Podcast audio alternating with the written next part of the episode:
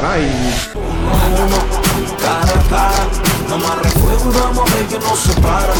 Hace unos días salió un anuncio eh, diciendo que iba a hacer un cara a cara de nuevo. Cara a cara, frente a frente otra vez. Buenas noches España, buenas noches Europa, buenas tardes América. Saludos cordiales a los que nos siguen a través de Internet desde cualquier parte del mundo. Gracias por confiarnos la organización de este debate cara a cara. Saúdos, eh, benvidos a este cara a cara no que imos falar mm, dunha cuestión dun problema moi moi serio mm, do que xa faláramos eh, nos primeiros eh, meses de ano. A presenza da Vespa Velutina aquí en, en Galicia. Imos a abordar esta cuestión cunha muller que sabe moito do, do tema. Laura García, Benvida e gracias eh, por aceptar a nosa invitación a participar neste cara a cara, o primeiro. Bos días, moitas gracias a vos.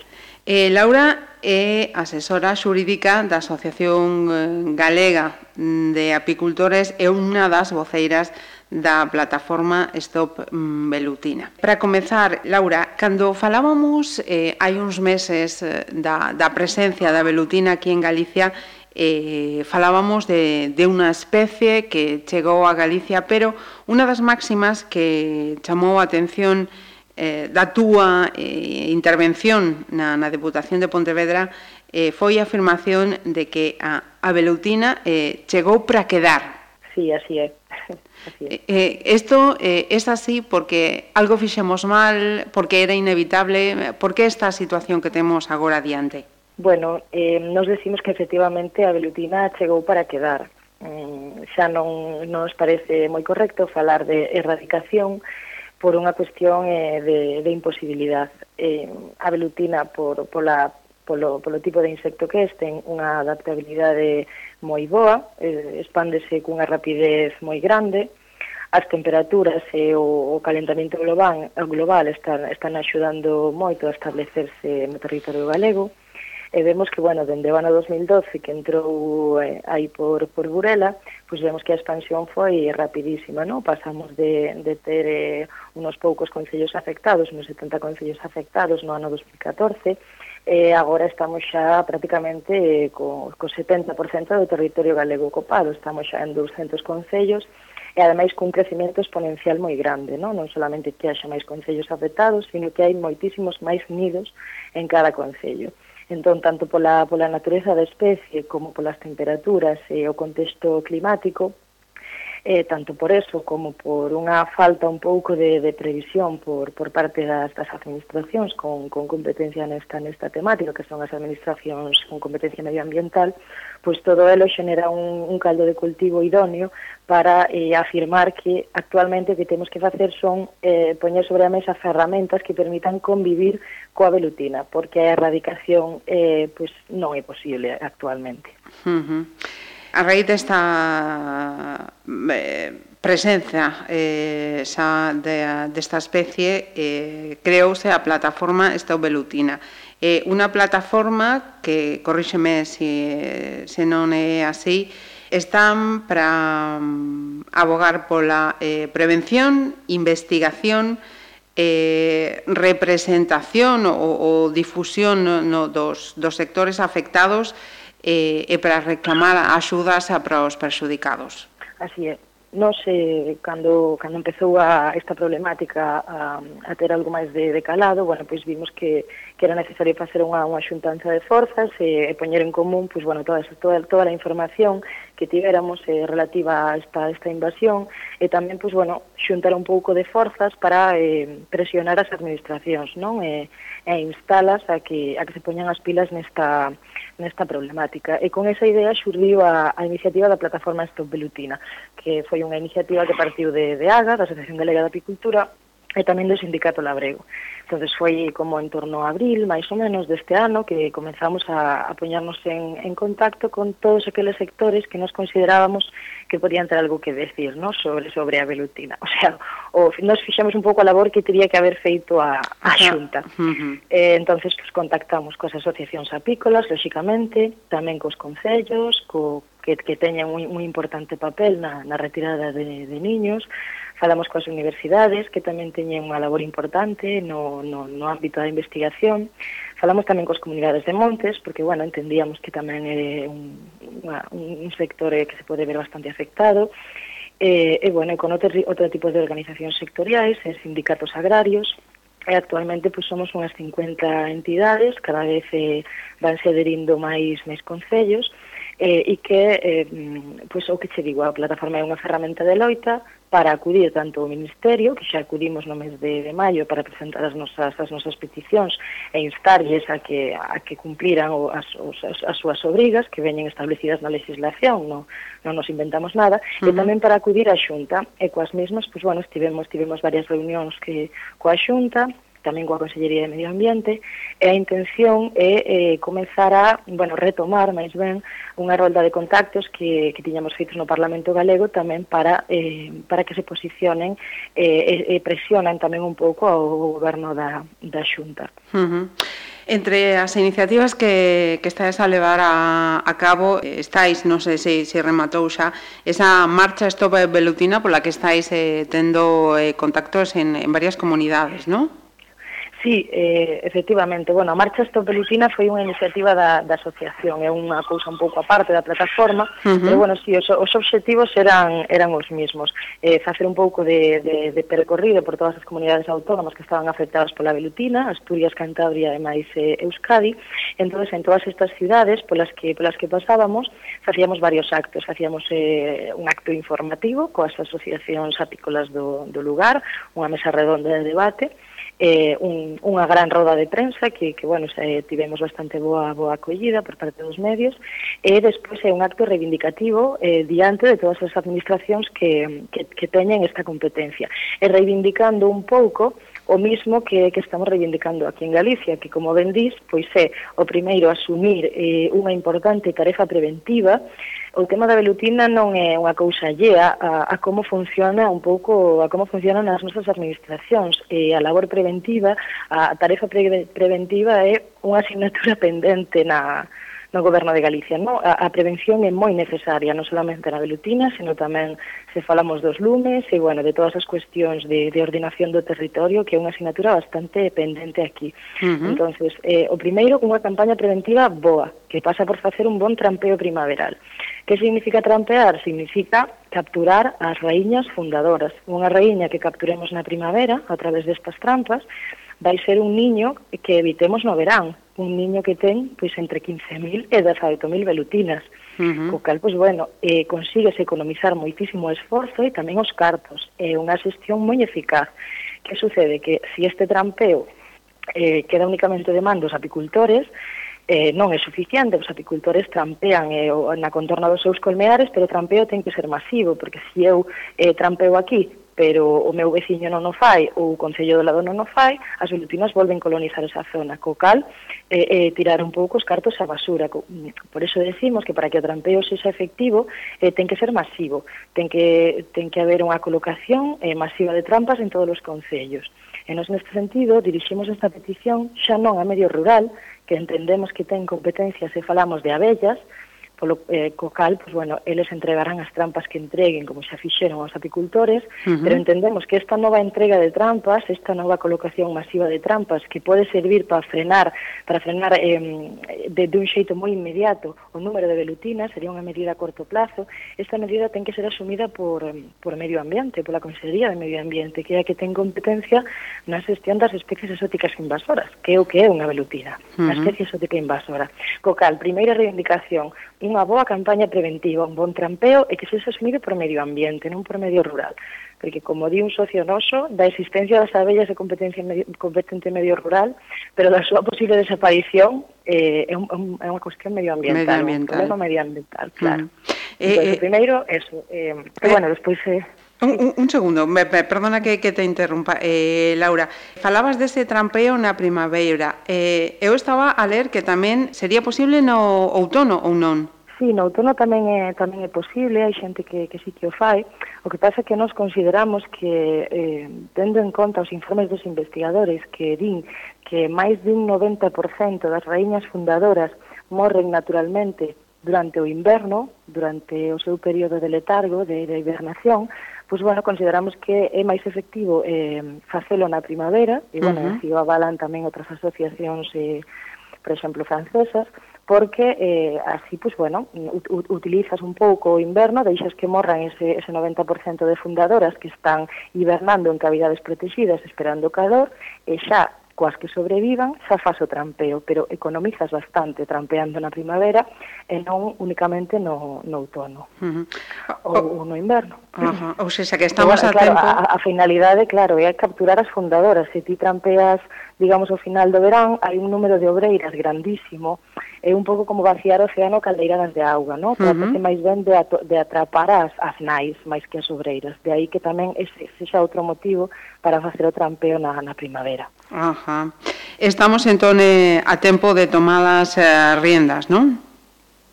Sí, claro, sempre estamos, sempre estamos a tempo e agora que estamos no inverno, pois é importante que se empiece a preparar esta esta campaña preventiva, non se xa registramos varias varios documentos na na Xunta de Galicia e no mes de outubro a plataforma registrou o seu documento coas súas peticións, tamén é o día 19 coa, coincidindo coa salida da marcha Stop Velutina, a Asociación Galega de Apicultura registrou o seu propio documento que, en esencia, coincide co, coa plataforma, coas, coas nosas peticións, que, como dis, pois é o trampeo, e, e para iso hai que comenzar a, a, a preparalo xa e a comprar as trampas e, bueno, e a, e a organizarse administrativamente como, uh -huh. como a administración considere E despois eh, tres puntos moi importantes que ti mencionabas. O primeiro, a investigación.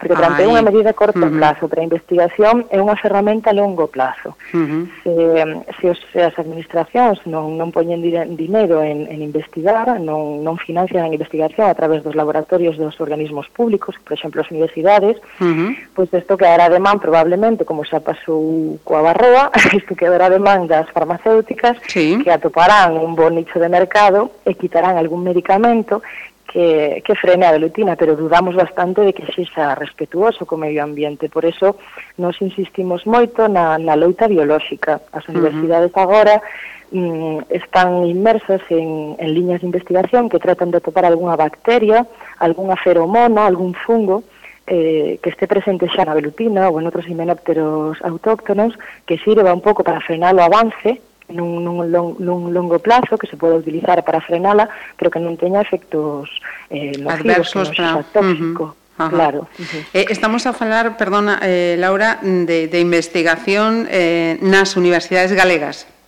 Sí, así Ajá. é porque actualmente, mm, bueno, a investigación é bastante parca, a Xunta pode facer moito máis, a Xunta ten un único convenio entre a Consellería de Medio Ambiente é a Universidade de Vigo e a Universidade de Santiago, contando uh -huh. Vigo únicamente con cunha partida presupostaria, Santiago non conta con ela.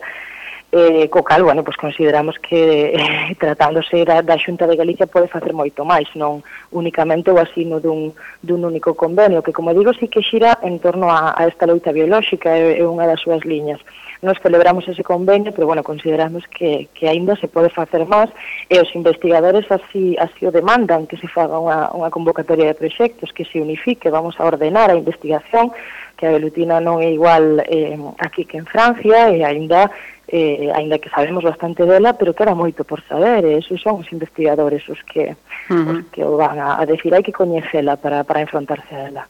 Ti, como decíamos ao comezo desta entrevista, Laura, eh, eres unha das voceiras desta plataforma Stop eh, Velutina e asesora xurídica da Asociación Galega de, de Apicultores. É un eh, sector, eh, obviamente, eh, afectado ou perxudicado pola presencia da velutina, pero non é o único.